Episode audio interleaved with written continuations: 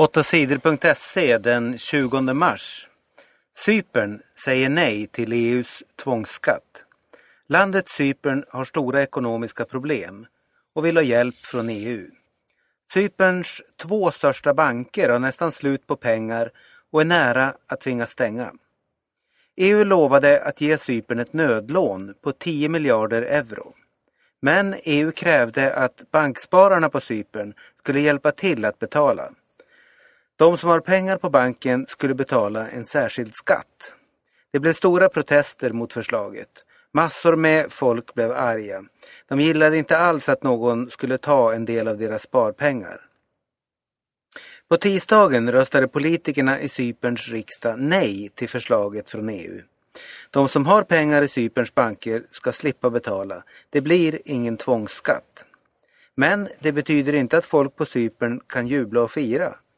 Nu kan EU stoppa nödlånet till Cypern. Då kan de två stora bankerna gå i konkurs och tvingas stänga. Om det händer blir krisen i landet ännu värre. Cyperns pengar kan ta slut. Seger för Frölunda och Linköping. Frölunda vann torsdagens match mot Luleå i slutspelet i ishockey. Frölunda vann med 4-3.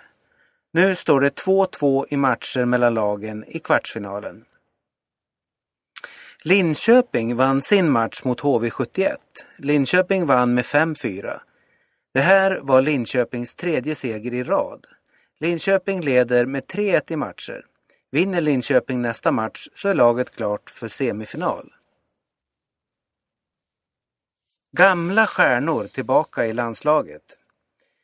I sommar är det EM i fotboll för damer. Den 6 april spelar Sverige en träningslandskamp mot Island.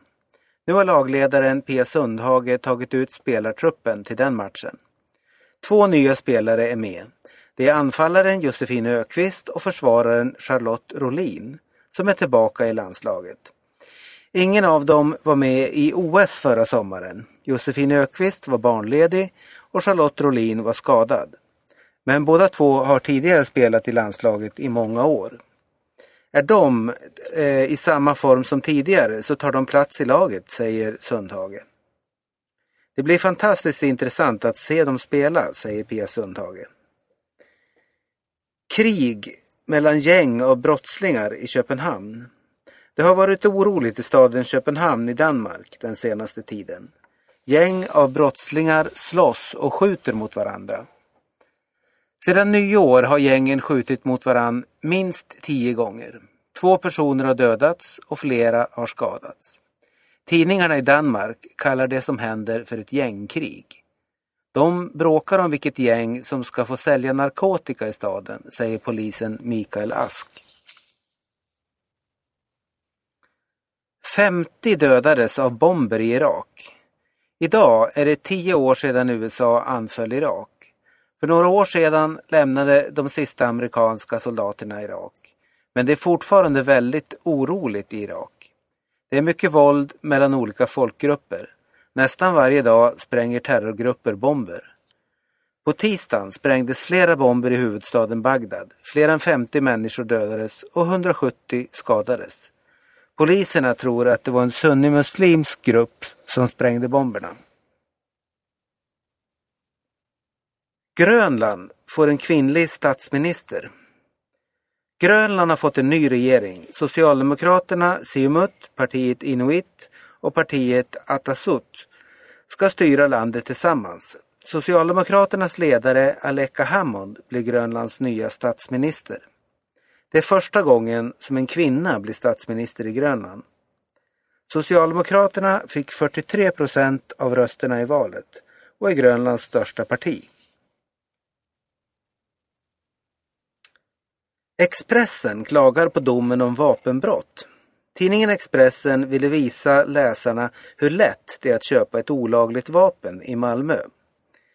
Tidningen skickade ut en journalist för att försöka köpa en pistol.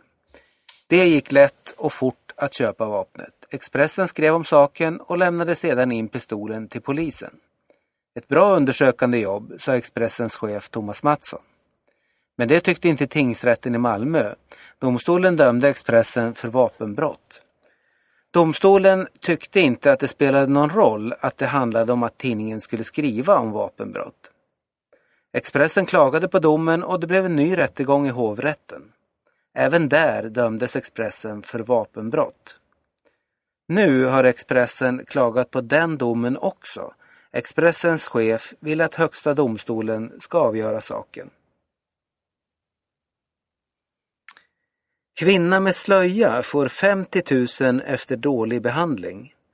En kvinna i Blekinge fick inte jobb som städare på ett hotell. Hotellet ville inte ge kvinnan jobb för att hon hade slöja på huvudet. Cheferna hade bestämt att ingen som jobbar bland hotellets gäster skulle få ha slöja.